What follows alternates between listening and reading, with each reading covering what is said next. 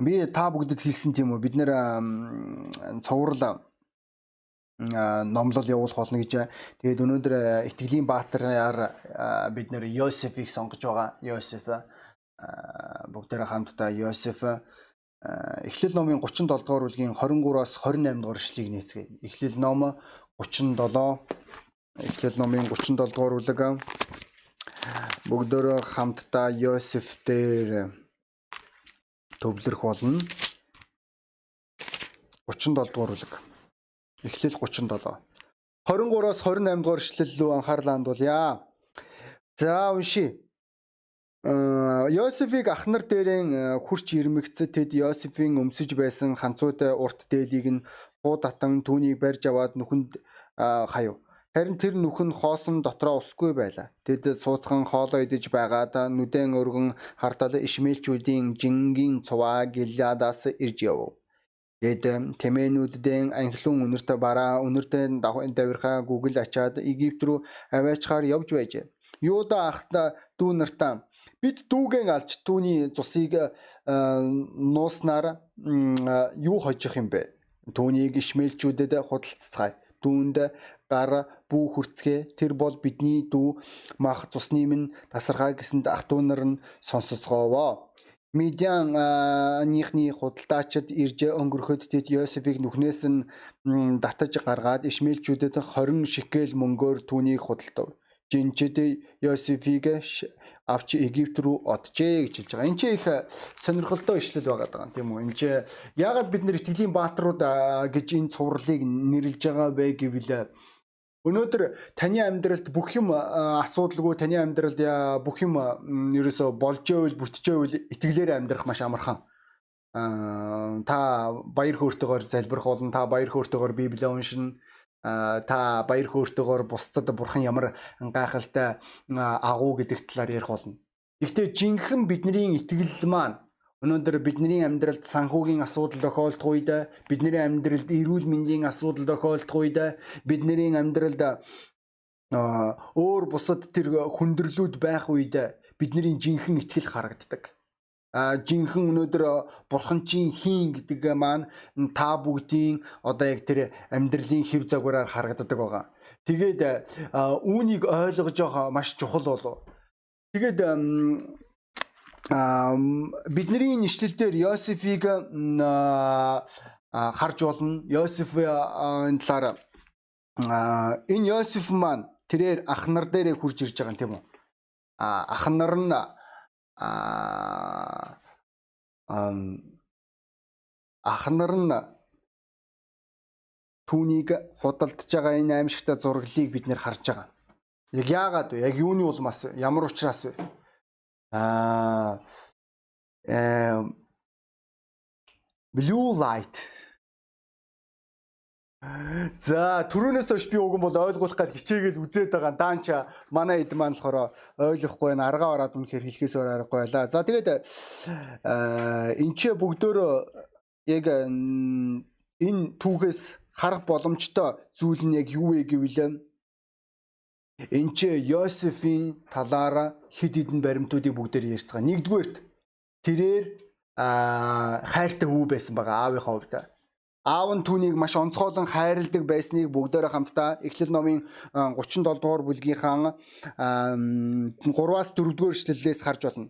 Израилийг өндөр настай болсон хойно Йосеф төрсөн тулаа тэрээр түүнийг бусад хөвгүүдээс илүү хайрлаж түүнд ханцуутай урт дээл хийж өгч эцэг нь түүнийг бусад хөвгүүдээс илүү хайрлагыг ахнар нь хараад Йосефийг үзен ядаж түүнтэй эв найртай ярилцаж чаддгүй байжээ гэж хэлж байгаа. Энд чинь сонирхолтой хэсэг байгаа даа тийм үү? Энд чинь Йосеф тэрээр бусдаар хайрлал. За бүгдөө төсөөлцгөөе. Тэрээр хизээж түүнд хүмүүс муугар хандж байгааг гэдээ авч үзье. Өнөөдөр энэ маань яг юуны зураглал вэ гэвэл танд өмнө нь амьдралд хүн болгон сайнаар ханддаг байсан. Хүн болгон танд магадгүй бүх хийдэг байсан байж болох юм. Таныг үнэлдэг, таныг сонсдог тий. Тэгээ энэ зураглал байгаа даа. Хүн болгон таныг хайрлаж байгаа. Энэ орчинд Йосеф маань өссөн гэж хэлж болно. Энэ орчинд тэрээр хүмүүцсэн гэж тодорхойлж болох юм. Энэ үнэхээр гайхалтай зүйл байгаа. Тань та зүгээр өөрийнхөө амьдралын хамгийн сайн зүйлийг төсөөлөхгүй. Бид нэр заримдаа гудамжинд аригчдад гэрчлэх үед эсвэл амьдралаа ингээ алдсан байгаа эмэгтэйчүүдэд гэрчлэх үед тэд нэг зүйлийг хэлдэг. Намаг баг байх үед миний аав ээж надад үнэхээр маш их хайртай байсан. Манай гэр бүл хамгийн баян байлаа, хамгийн тансаг байлаа, хамгийн сайхан байлаа гэх мэтлэн зүйлсүүдийг ярьж эхэлж байгаа. Тэг яг л энэ зураглыг бид нэр энэ түүгээс харах боломжтой. Йосеф үед хүн болгон сайнаар ханддаг байсан. Йосефийг хүн болгон хайрладаг байсан.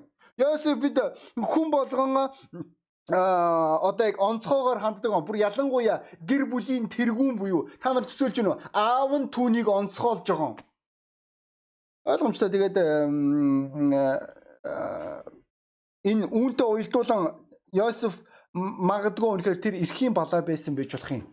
Гэхдээ тэр хизээч хүмүүст муугар хандж байгаагүй та нар э, энэ бүлгээс уншиж болон цаашаага. Бидний энэ ишлэлдэр саяны энэ уншсан ишлэлдэр ах нар нь түүнийг үдсэн ядчихсан талаар өгүүлж байгаа. Тэгсэн ч гэсэн тэрээр ах нарыгаа үзэн ядж байгаагүй. Тэрээр ах нардаа муугар юусаа хандаж байгаагүй. Та бүгд төсөөлөд үзэхгүй юу? Та гэр бүлдээ хамгийн хайртай танд үнэхээр онцгой одоо яг ерөөл оршиж байгаа. Үүний хажуугаар та хүн болгонд сайнаар ханддаг. Та сэтгэл хангалуун өссөн гэж хэлж болно. Бид нэр нийгэмд янз бүрийн хэрцгийлэл донд янз бүрийн одоо яг олиггүй үйлүүд донд байгаа хөвгүүд охтуудыг харах тэр мөчөд тэд нэр дандаа эцэг эхийн хайр амсаж байгаагүй хүүхдүүд байдаг. Эцэг их нь тэднийг хайрлж байгаагүй, тэднийг үнэлж байгаагүй, тэднийг эрхмэлж байгаагүй. Энэ шалтгааны улмаас тэд нар өөрсдийн зүрх-сэтгэлийн тэр дутуу байдлаа тэд нар нийгмээс олж авахыг хичээж байгаа. Охтууд маань өөрийн аавыг одоо охтууд маань өөрийн э, эцгийн хайрыг өөр ирчүүдийн өврөөс хааж эхэлдэг ирчүүд маань өөрийн одоо яг э, тэр эцгийн хайрыг өнөөдөр энэ шудрагус байдлыг өөр ирчүүдэд уур хилэнгээр илэрхийлж эхэлж байгаа. Үнэхээр энэ маань гонигтай байдаг тийм үү? Тэгвэл энэ Йосеф маань бүтэн өссөн гэж хэлж болно. Түүнийг ээж нь хайрлаж байгаа. Одоо түүнийг аав нь хайрлаж байгаа. Тэрээр хайраар хизээч дутаагүй. Энэ шалтгаанаар тэрээр хизээч магадгүй хүмүүст муугаар хандж байгаагүй болов. Тэрээр сайнаар хандж байгаа. Ах нар нь ээлж дараалан үзэн ядалт ургууцлаа илэрхийлжсэн ч гэсэн тэр ерөөсөө юу ч бодохгүй байгаа. Тэрээр хүн болгон сайнаар хандж байгаа хүн болгонд шудраг хандж байгаа. Ах нар нь ямар нэгэн байдлаар лөөвөр хийгээд ямар нэгэн асуудал үүсгэх үед тэрээр аавда шууд очиод хилчдэг байсан байгаа. Үүгээрээ тэрээр ойлгомжтой ах нарынхаа э, одоо яг хайрыг скол одоо түүнд сайн байх тэр байдлыг төрүүлээгүй нь маргаангүй. Тэрээр яахааргүй үзэн ядуулж исэн бол улам илүүтэйгээр үзэн ядуулж исэн. Тэрээр бүр дараад нь зүүдний талаар ярьж байгааг та бүгд мэднэ. Энэ зүүд маань зөвгөнлийн зүүд байсан гэдгийг та бүгд санаж байгаа болов. Тэгээд та одоо миний ярьж байгаа зүйлийг хэрвээ та ойлгож байгаа бол та хүн болгонд сайнаар хандж байгаа. Хүн болгонд ч юм. Та Египтийн рүү боолчлолт худалдагдах төр мөчөд та Патифарын буюу Египтийн эзэнт гүрний зэвсэгт хүчийг хариуцсан хүний боол болж байгаа. Тэр үед ч гэсэн та тэнцээ байгаа бүх хүмүүс сайнаар хандж байсан. Дараад нь та мөн дарс аягалагчд сайнаар хандж байгаа. Тэгээд хамгийн сонирхолтой тэрээр хүмүүс бас мөн ихэнх тохиолдолд түүнд сайнаар ханддаг гэж бодож исэн болов. Тэрээр итгэхгүй байгаа ах нар нь түүнийг үзээ яддаг гэдэгт. Магадгүй өнөөдөр та магадгүй та сүмд байгаад хүмүүс танд сайн гэж ойлгодог байж болох юм. Тийм ээ үнэхээр хүн болгон таныг хайрлах албагүй тийм үнэ. Хүн болгон тань сайнаар хандах албагүй. Гэхдээ энэ нэг өрөөсгөл ойлголт Йосефид байж байгаа. Тэрээр баяр хөөртөгөөр ах нар дээр хурж ирсэн байгаа. Ах нарыг хараад баярлсан. Тэр ах нар нь тийм байгаагүй. Тэрээр өөрөө өөрийнхөө оюун бодлоо энэ хэрэглийг энэ дими төсөөллийг бүрдүүлсэн байсан. Тэрээр бодож байгаа. Аа угаасаа тий би угаасаа хамгийн сайн нь Энэ төсөөллөөр өөр өөрийгөө хуурдаг итгэгч нарыг би олон э, сүмдээ харж исэн. Тэд нэр өөрийнхөө талаар дэндүү өндөр үнэлгээтэй. Гэтэ бодит байдал дээр авч үзэх юм бол тэд нэр ахан дүүс дундаа тийм биш. Тэр хүмүүс маань асар харамч. Тэр хүмүүс маань асар хувайчээсэн. Асар бэртгчин. Тэгээд чи ойлгож байгаа үнэхээр энэ хүн маань өөрийн ахан дүүстэй нэр муута даанч харамсалтай энэ хүн өөрийнхөө талаар дэндүү өндөр үнэлгээтэй. Тэрээр ямар ч асуудал учруулахгүй гэж бодож байгаа. Тэрээр хиндэж өвдөлт учруулдаггүй гэж боддог. Йосеф яг л ийм хүмүүсийн нэг байсан. Тэрээр хиндэж өвдөлт учруулахгүй хүн болгонд түүнд хайртай, хүн болгонд тэрээр сайн хандж гин, тэрээр мундаг шилдэг шилдэг гэж бодож исэн. А тэгвэл бусад хүмүүс түүнийг тэгж боддоггүй байсан болж таарж байгаа. Өнөөдөр итгэгч найз минь чиний талаар хүмүүсийг юу гэж боддог вэ? Өнөөдөр бусад ахан дүүс чинь чиний талаар юу гэж бодож чадах вэ? Үүн дээр Тэгээ зарим нэг хүмүүс одоо өөртөө ихтгэлгүй байдлаар аа угаасаа олиггүйг ярьдаг үз мууг ярьдаг үз. А тэгээд ойлгомжтой энэ хүмүүс бол онцгой тохиолдол. Бид нэр өөрсдийн зүрхээ хадгалж чадаагүй хүмүүс. А харин та өөрийн зүрхээ хадгалаад та магадгүй та аа бусдаас илүү гэж өөрийгөө төсөөлдөг гэж болох юм. Эсвэл мөн магадгүй танд бүр энэ энэ байдал нь ерөөсөө ямар ч хамаахгүй тийм үү? Та ерөөсөө ойлгохчгүй гэж болох юм. Ерөөсөө бусад хүмүүс дундаа итгэмжтэй байх хэрэгтэй талаараа та ерөөсө боддоггүй. Та нүгэлт ертөнцид та өөрийн хамаатан садангийнхаа өмнө та заримдаа итгэгчнэр бид нэр төсөөлдөг шүү дээ. Ингээд бид нэр бурхан дотор аврагдаж байгаа. Би энэ үеэ санаж байна. Тэгээд би сүмд байхдаа маш баяр хөөртэй байдаг байсан. Би энэ алдаа гаргаж исэн. Би сүмд баяр хөөртэй байгаа. Асуудлын үг бол би гэртээ очиод тийм байгаагүй. Би угмал би аврагдсан байсан. Гэтэ би гэртээ очиод маш онцгой зан гаргадаг байсан.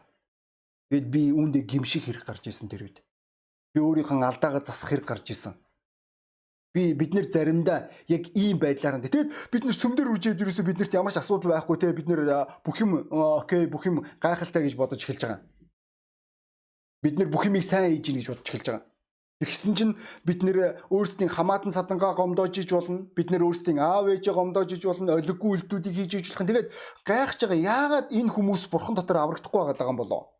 Яагаад энэ хүмүүс бурхан руу хурж ирэхгүй? Миний бурхан ийм гайхалтай байхад энэ хүмүүс яагаад энэ эцгийн минь хайрлахгүй байна вэ? Яагаад эцгийн минь бодлыг үнэлэхгүй байна вэ? Яагаад эцгийн минь шийдвэрийг одоо яг зүрх сэтгэлдээ эднэр ойлгохгүй байгаа юм болоо? Яг ямар учраас яг юуны улмаас эднэр яагаад ийм ойлгохгүй зүйлүүдийг хийгээд идэв юм болоо?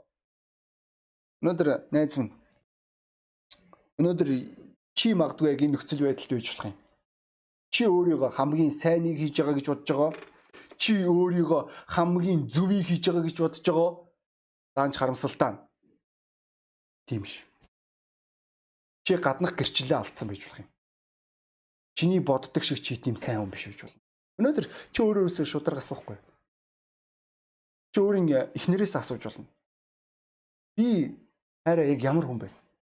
Би үнэхээр хүмүүсийн зүрх сэтгэлийг эзэлж чадхаар хүн байж чадах уу? Өнөөдөр би итгэгч хүний хувьд өнөөдөр хайраа чи надаар бахархдаггүй. Чи чи шудраг хэлдэ би хэр итгэгч вэ?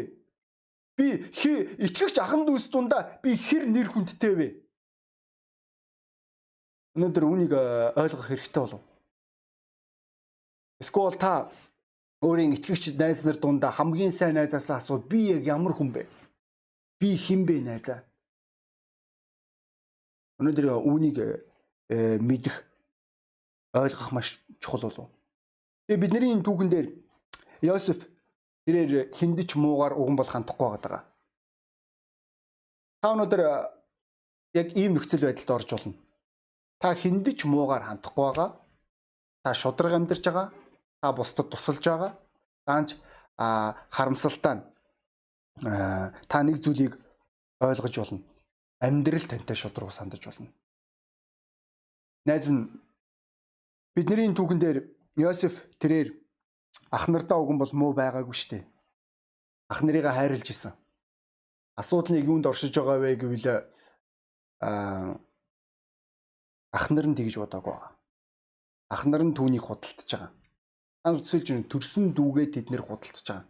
Тэрээр тэд нэр ингээд баяр хөөртэйгээр хурж ирж байгаа ах нар дээрээ Тэгсэн чинь ах нар нь түүнийг барьж аваад ямар ч ус байхгүй нүх рүү хийчихэж байгаа. Энэ юу гэсэн үг л Йосеф тэр газар цангаж исэн гэсэн үг. Одоо энэ бид нар сая жоохон баг зэрэг менежментийн одоо маневрын асуудал шийдэгдээд уг нь бол бид нар энийг аль хэдийн бэлтгэсэн байх хэрэгтэй байсан даанч харамсалтай нь үнэхээр өршөөгөөрэ манайхаа энэ зүйлүүдийг одоо хийж байгаад. За тэгвэл аа тэгээд энэ маань миний номлолд үнэхээр супер саад хийж байна. Гайхалтай би өөрийн санаагаа алдахад хүрж штэ одоо бүр сүлдээ. Уг нь бол миний номлол арай өөр байсан. Тэгээд одоо арай өөр зүглүү чиглэгдэж байгаа шүү. Өршөөгөр би эргээд хурж ирэх хичээнэ одоо. За хийж байгаарай. За ах нар нь түүнийг худалдсан. Ах нар нь ямар шоконд орсон болоо та нар бодоод үзтээ. Тэрээр баяр хөөртөө агаа нараа гэл ингээд баяр хөөртөө урж ирэнгүүт агаа нар нь түүний талаар ойлгоогүй бодож байгаа. Тэгээ түүнийг нөхрөө хийсэн. Чи бодож байгаа нөхөн дотор орчоод яг манай ах нар тоглож дуустдаг юм бахтаа гэж бодож байгаа. Тэгсэн чинь дээр нь ах нар нь түүнийг алах талаар ярьж байгаа. Тэгээ хэсэг хугацааны дараа ах нар нь гаргаад ирэхгүй за тийм байлгүй дээ та нар тоглосон байлгүй дээ арайчтэй гэж хэлсэн чинь гин шал танихгүй хүмүүс түүнийг барьж аваад түүнийг хүчээр өөр газар руу аваачиж байгаа. Танд яг ямар байх вэ? Та ямар ч муу зүйл хийгээгүй шүү дээ. Та хүн болгонд сайнаар хандах гэж хичээж исэн та хайрлагцнаар бас буруугүй. Тэгээ та бодолтогдож байгаа. Төрсэн ах нараараа. Мөн дараад нь бид нэр Эхлэл номын 39 дугаар бүлгийн а 13 дугаар эшлээс бид нэр Батифар гэж яригдах тэр жанжны эхнэр нь түүнийг түүнтэй унтах гэж чигээд оролдоод оролдоод зүйлдээ Йосеф тэр бүх зүйлдер эрс шийдэмгий одоо татгалзах тэр мөчөд 13 дугаар эшлээс бид нар юу харах байгүй л Йосеф тэнцээ хувцас үлдээгээ явж байгаа. 13-аас 19 дугаар эшлэлдэр тэр үед Батифарын эхнэр нь түүнийг гүтгэж байгаа. Наад нэг нөхөр чи еврей нөхөр чи намайг оролцсон би тэгээд эмийн сайндаа орилоод орилсон чинь тэрээр зүхтаж яваад харж ийн түүний хувцас миний гарт үлдлээ гэж хэлсэн байгаа. Ойлгож байгаа үстэй түүнийг гүтгэж байгаа. Уг нь бол тэрээр өөрийн эзэндээ шудраг байх гэж хичээсэн. Тэрээр өөрийн эзнийхэн ихнэрд юусэн гар хүрээгүй. Түүний ихнэр эзнийх нь ихнэр нь олон удаа түүнийг надтай унтаач гэж одоо байнга өдчихсэн ч гэсэн тэрээр өөрийн цэвэр ариун байдал дээр хатуу зогсож байгаа. Өнөөдөр итгэгч залуу минь э, охин минь чи өнөөдөр өөрийн цэвэр ариун байдал дээр хатуу зогсож байгаа. Тэгсэн чинь нийгэм таныг шоолж иж болно. Ямар юун цэвэр ариун байдал? Юу яриад байгаа? Чи өнөөдөр гэрэлж байгаа билүү? Чи өнөөдөр хэн блэ? Өнөөдөр э, энэ зүйл болж байгаа. Тэгээ эцэст нь чамайг гүтгэж хэлж байгаа. Энэ яг ярддаг шиг тэмцэвэр биш. Ярддаг шиг ариунч биш. Ярддаг шиг хүн биш. Чи гүтгэлэг дор орж байгаа. Энэ маань маш гонигтай болов. Мөн бид нэр цаашаага хэрвээ Йосефийн талаар унших юм бол Йосеф нэг хоёр хүнд тусалсан. Нэг нь далах хоёрогч, нөгөөх нь дарс аягалагч. Тэр хоёр хоёулаа Йосефтэй хамтаа шоронд орж байгаа. Яг тэгвэл Потифар тухайн үед та бүгд мэднэ. Йосефийг Батифар шорон руу оруулсан. Үтгэлгийн ачаар. Тэр тэр хоёр хүнд тусалж байгаа. Яагаарахгүй Йосефийн хэлсний дагуу бүх зүйл болсон. Энэ үүнийг та 40 дугаар бүлэг дээр уншиж болно. Тэгээд 40 дугаар бүлгийн хамгийн сүүлчийн ишлэл дээр дарс аягалагч сүнч маань үнийг мартаж байгаа. Түүнийг 2 жил мартсан гэж та нар бодоод үзтээ. Та хин нэгнээр мартагдчихсэн үү? Та хин нэгнээр хиндэж хэрэггүй болох үе байсан уу? Тэгэд харж ийн энэ үнэхээр гонигтай зурлал тийм үү? Та хамгийн сайнаараа хандах гэж хичээж байгаа Тэгсэн чинь амьдралын хариулт нь танд нэг иймэрхүү. Уламжлалт ордоод байгаа. Уламжлалт хүндрээд байгаа. Уламжлалт хүмүүс таныг ойлгохгүй байгаа. Та хамгийн онцгүй газар, хамгийн бүр хогийн газар та байж байгаа. Та бүхэн бол хүмүүс тусалсан. Миний ойлгожоор маш олон хүмүүсийг энэ үед өөрийн зүрхээ хамгаалж чаддаггүй. Би үгэн бол туслах гэж хичээсэн штэ. Би үгэн бол үйлчлэл дээр байх гэж л байсан. Би үгэн бол би өөх гэж л байсан штэ. Би үгэн бол өгөөмөр л байх байсан. Би үгэн бол илүү нээлттэй байхыг хичээсэн. Тэгсэн чи харж гин үү? Пастора тэр хүн намайг ойлгосон, энэ намайг ойлгосонгүй, та намайг ойлгосонгүй Олон хүмүүс Йосефийн оронд байсан бол тэрээр гомдол хорслоор дүүргэсэн. Бүгдөө шүүгчд номын 7 дугаар бүлгийг санацгаая. Тинчээ Гедеон 300 хүнтэй айрмаар тулалдж байгаа. Уг нь бол үүний өмнө хэд дахин илүү айрамтай байсан. Гедеон асууж байгаа. Айж имэж байгаа хүмүүс байгаад байгаа бол та бүгд явж болно гэсэн байгаа. Тинчээ барагцаалганд 30 мянга гаруй хүмүүс байсан. Тэгсэн чи 22 мянган зүгээр яваад очиж байгаа дайсан үүдэн дээр байгаа шүү те. Тэгэхэд тэд нэр хэлэхдээ над хамаахгүй би айж ийн яваад гисэн. Ойлгож байна уу? Аа тэгээ дараад нь 9700 хүн үлдчихэж байгаа. Тэр хүмүүс тэр хүмүүс явж байгаа. Гэтэ нэг нөхцлөөр тэд нэр усыг буруу уусан байгаа. Тэд нэр сэрэмжтэй байж чадаагүй үнэндээ бол Хэрвээ та нар 9700 хүнээс асуусан бол тэд нар хэлгээсэн. Уг нь бол гидё хэрэг тулалт гэсэн бол бид нар тулалтахад байсан шүү дээ гэж хэлгээсэн. Тэгэд эцэст нь 300 үлдчихэж байгаа. Бид нэр эзэн Есүс Христэд хандах хандлаган дээр маш олон ийм хүмүүсийг харж болно. Тэд нэр тийм нэг нь хуулийн багш тэрээр хэлж байгаа.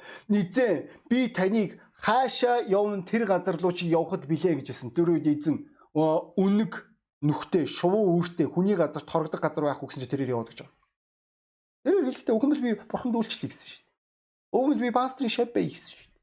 Уг нь би нээлттэй бай гэсэн дээ. Гэтэ тийм биш л юм биш. Олон удаа надаас асуулт асуух үед итгэгчнэрээс би тэр итгэгчнэрт асуултын асуултаар тэднэрээс өөрсдөөс нь асууж байгаа. Яг яагаад вэ гэвэл тэд нар өөрсдөө шийдвэр гаргах хэрэгтэй учраас тэр үед зарим итгэгчнэр энэ үгсүүдийг хэлж байсан. Пастор, ер нь танаас асуугаад ах хэрэг вэ? Та хэрэг урдаас ингэж асуугаад байвал. Эсвэл ойлгохтой хариулт өгөхгүй байгаа байвал. Ямар хэрэг байгаа даа. Тэгэхээр аимшигтай харилцаа тийм үү? Тэгвэл олон хүмүүс Йосефийн орондоо амьдралд гашуурдгаараа гашуурж, үзэн яддгаараа үзэн ядах байсан болов. Олон хүмүүс хэн нэгэн тэднэрт ямар нэгэн байдлаар хогийн үйлдэл хийх үед тэднэр хүн байхаа бэлдэг бид нэр гомддог. Бид нэр харилцаа болдог. Өнөөдөр итгэгч найз минь чи өнөөдөр хинтээ харилцаа болсон бэ? Аа энэ намайг дорд үзлээ. Энэ надтай харьцсангүй. Энэ надад өгсөнгүй. Энэ надад тусалсангүй.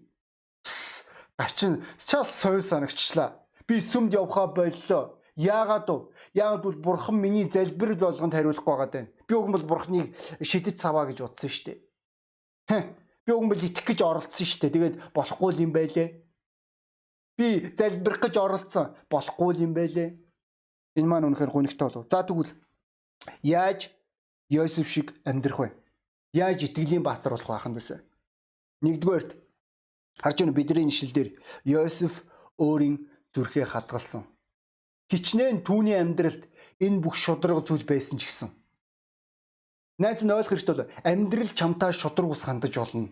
Библиэлд нин тэргуунд өөрийн зүрхээ хамгаал түүнээс чин амийн булаг үрсдгийг харж байна уу?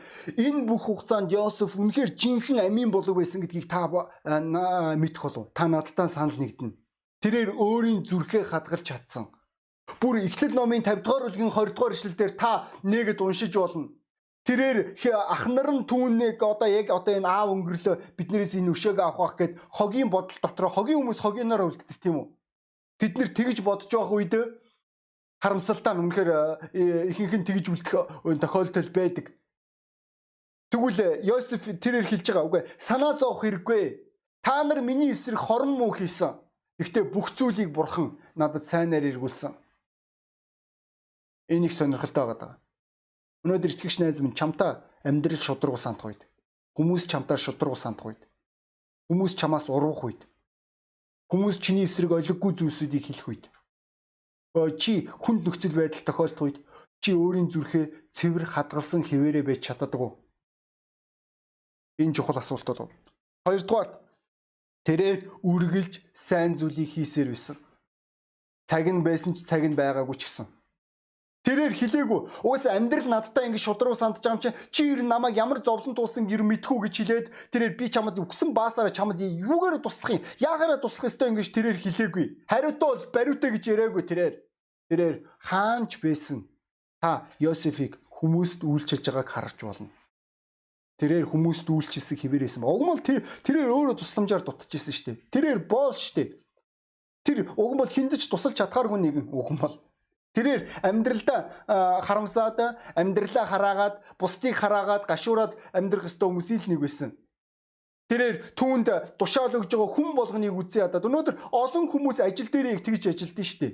Захирал нь ямар нэгэн удирдлага нь ямар нэг юм хэлүүгүй тэр удирдлага нь түүнийг үзээ ядаад байгаа юм шиг ханддаг. Тэгвэл яг ийм байдлаар тэрээр хандаж болох байсан болох байсан хангалттай. Тэгэхэд тэрээр хүмүүс тусалсаар байгаа. Тэрээр Патифар тусалж байгаа. Тэрээр шоронд байх үед хүмүүс түлчилж ийсэн. Тэрээр тэр хоёр хүнд тусалж ийсэн. Ер нь бодоод үстэй хинт хамаатай юм бэ? Ер нь тэр хоёрын надтай ижлэг шоронд суудсан тий. Тэр зүүдлээл үстэй. Тэгээд одоо тэгээд надад ер нь хамаа байхгүй гэж хэлж болох байсан шүү дээ. Тэрээр хинэггүй хүмүүсийн хэрэгцээний хажуугаар өнгөрч болох байсан. Болох байсан. Түүнд хангалттай шалтгаан байсан. Тэгээ бурхны хүмүүстэй гэдэг юм найзаараа. Бид нэр Библиэлд маш олон тэр хүмүүсийг харж болно. Тэд нэр өөрсдөө хэрэгцээтэй байсан ч гэсэн өгдөг байсан тусалдаг хүмүүсийг. Бид нэр Зерафатын эмгтэйг харж болно. Тэр бэлэвсэн эмгтэй. Бид нэр өнөөдөр өглөө бэлэвсэн эмгтэн талаар ярьсан. Тэгвэл Зерафатын бэлэвсэн эмгтэй атхын чинээ гурил одоо Yorолын чинээ достооч гэсэн тэрээр өөр хин нэгнийг хооллох зүрх сэтгэлтэйсэн байгаа. Бид нэр шин гэрээнээс бас нэг өөр нэг бэлэвсэн эмгтэйг Маркийн 12 дугаар бүлгийн 41-ээс уншиж болно. Тэрээр тэр эмэгтэй маань өөрийн амийн зулгын хоёр зис катрат зоосоо тэрээр өргөлийн сагсан төгсөн байгаа. Библи хэлэхдээ эзэн түүний өргөлийг хараад хамгийн өгөөмөр өргөлөөр гэж хэлж байгаа өршөөгөрөө. Яагаад тэгж ийсэн? Яг бол тэр амин зуулгын хоёр зоосоо тэрээр надаас илүү хэрэгцээтэй нэгэн байгаа гэж өгж байгаа. Надаас илүү асуудал тунд байгаа нэгэн байгаа гэж өгж байгаа. Би одоо сүүлийн үед Голбастрын гаргаад байгаа шийдвэрүүдийг хараад үнэхээр биширж байгаа. Тэрээр одоо гэр бүлийн хүчирхийлэлд өртөж байгаа мөн жирэмсэн болсон тэр эмэгтэйчүүдэд туслах төв байгуулахыг хичээж байгаа. Тэр газруудыг нээхийг хичээж байгаа. Тэр эмэгтэйчүүд нь ихэвчлэн дандаа нөхрөөр хаягдсан хүүхэдтэй үлдсэн эмэгтэйчүүд байгаа. Эсвэл заримуд нь хүүхдээ гаргацсан. Ха амьдрах газаргүй байгаа. Би хувьдаа мөрөөддөг манаас юм нэгэн цагт арх архинд донтсон эсвэл тийм нөхцөл байдалд орсон хүчирхийлэлд өртөгдсөн тэр амьдрах газаргүй байгаа тэр хүмүүст туслах тэр цаг ирнэ гэдэгт би итгэдэг. Яг тэгвэл бид нэр бусдад туслахаа хизээч зогсоож болохгүй ахын дэсөө бүр карантины үе байсан ч гэсэн бид нэр үргэлжлүүлэн өөрсдийн зүрх сэтгэлээ үйлчлэлөө хадгалах хэрэгтэй. Олон хүмүүс эсэргээр ханддаг тийм үү? Харамч хүмүүс, хуваа хичээсэн хүмүүс үргэлж өгөхгүй байх шалтгаан хайдаг хин нэг нэг буруутгадаг, туслахгүй байх шалтгаан хайдаг байгаа. Үргэлж энэ шалтгаан тэдэрт байсаар. Тэгвэл өнөөдөр итгэгч найз минь чи чиний талаар яг юу ярих вэ? Тэгэд энэ бүх үйлдэлүүдийн ачаар Йосеф тэрээр өрөөгцөн гэдгийг та бүгд мэдж байгаа болов. Тэрээр Египтийн эзэнт гүрний ерөнхий сайд болж чадсан. Өнөөдөр үүнд агуу хүмүүсийн түлхүүр оршиж байгаа. Өнөөдөр өөрөөсөө илүү давж хардаг хүмүүс өөрийгөө биш өөрийн зовлонгоо яриад байдаг хүн биш. Өрөөлийн зовлон руу анхаарлаа хандуулдаг. Өөрөө тийм ээ үнэхээр чи хоригдл чи чи боол чи хинч биш чи ялгатас хамаагүй өөр хин нэг надаас илүү хэрэгцээтэй хин нэгэн байгаа. Би тэр хүмүүст үйлчлэх болно. Тэр хүмүүст туслана. Бурхан Йосефийн энэ зүрхийг харсан гэдэгт би итгэж байна. Тэгээ бурхан түүнийг юусэн.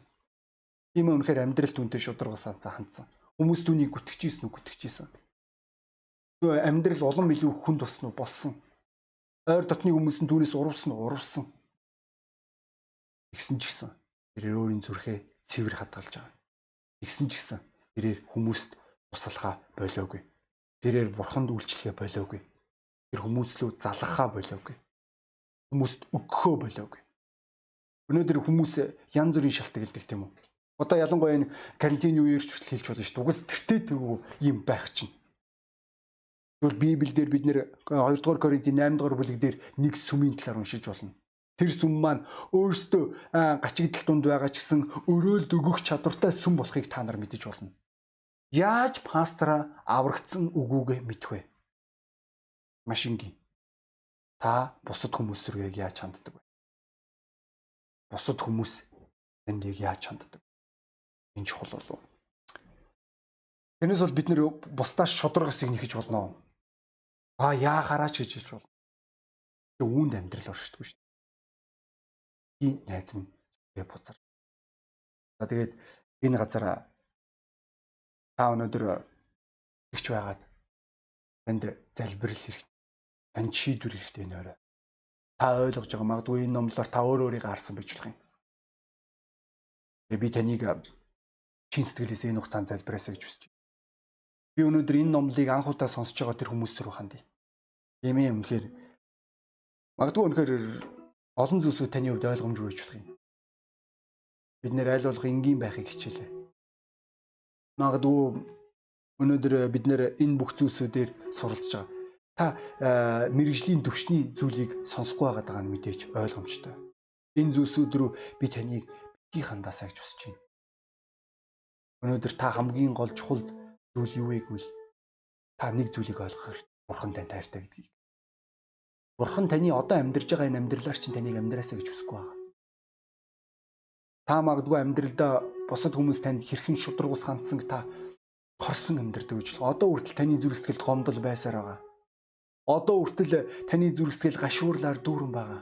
Тэгвэл энэ ачаагийг чинь бурхан авахыг хүсэж байна. Үүний төлөө Есүс Христ бидний нүглийн төлөө загламаа дээр зовдлогдсон. Таныг бурхан уучлаасаа гэж. Бурхан танд мөнхийн эмийг өгөөсэй гэж үгсний дараа өнөөдөр хүний амьдралд үхэл хизээл бол хизээ ирж болох юм. Тэр үед тэр бидний амьдралд нүгэл байгаа бол бид нэр хамгийн тааламж чинь. Тэгвэл бурхан таны тэр газар очиосоо гэж хүсэхгүй байгаа. Тэгээд үүний тулд энэ уучлалыг авахын тулд энэ бурхантай эвлэрэх боломжийг өөрийн амьдралд олж авахын тулд энгийн залбирал бинэ. Хэрвээ та үүнийг хүсэж байгаа бол надтай хамт залбирахгүй юу? та дагаадалгүй бурхан минь. Есүс Христ миний нүглийн төлөө заалмаа дээр цовдлогдсон гэж хэллээ. Би үүнд итгэж байна. Би таны өмнө нүгэлтэй. Миний нүглийг уучлаач. Та миний амьдралыг өөрчлөөч. Таны тусламж надад хэрэгтэй байна. Та миний амьдралд орно. Есүсийн нэрээр. Миний уучлалт баяр. Амен. Та хэрвээ энэ залбирлыг чин сэтгэлээсээ залбирсан бол Бурхан танд тусалж эхлэнэ гэдэгт би 100% итгэлтэй. Та түүнийг таньж мэдэх хэрэгтэй. Хүн мэддэггүй нэгэнд итгэх боломжгүй. Түүнийг мэдхийн тулд бидний өмнө Библи бий. Бурхны ариун ном. Та түүнийг энэ номноос мэдэж болно. Энэ ном түүхэн ном. Баримттай ном. Мөн та энэ орой танд цаад болохгүй тэр газар та бурхан руу дуу хоолойгоо өргөж залбирч болох юм. Бурхан таны залбирлыг сонсно гэлтэй олон жилийн өмнө бурхан миний залбирлыг сонссон. Тэр мөчөөс эхлээд би бурхан бодит амьд гэдгийг би ойлгосон. Тэгвэл энэ л ойлголт таны амьдралд байгаас. Та тавтаа морил варшны гэрт. Та бид нартай холбоо барьж болно. Тэгээ би дуудлагаа өөрчлөе. Ахан дүүсээ та энэ хугацаанд та залбирсан. Та шийдвэр гаргасан. Өнөөдөр бидний өмнө сонголт бий. Харж гинүү энэ яагаад Йосеф итгэлийн баатар юм бэ?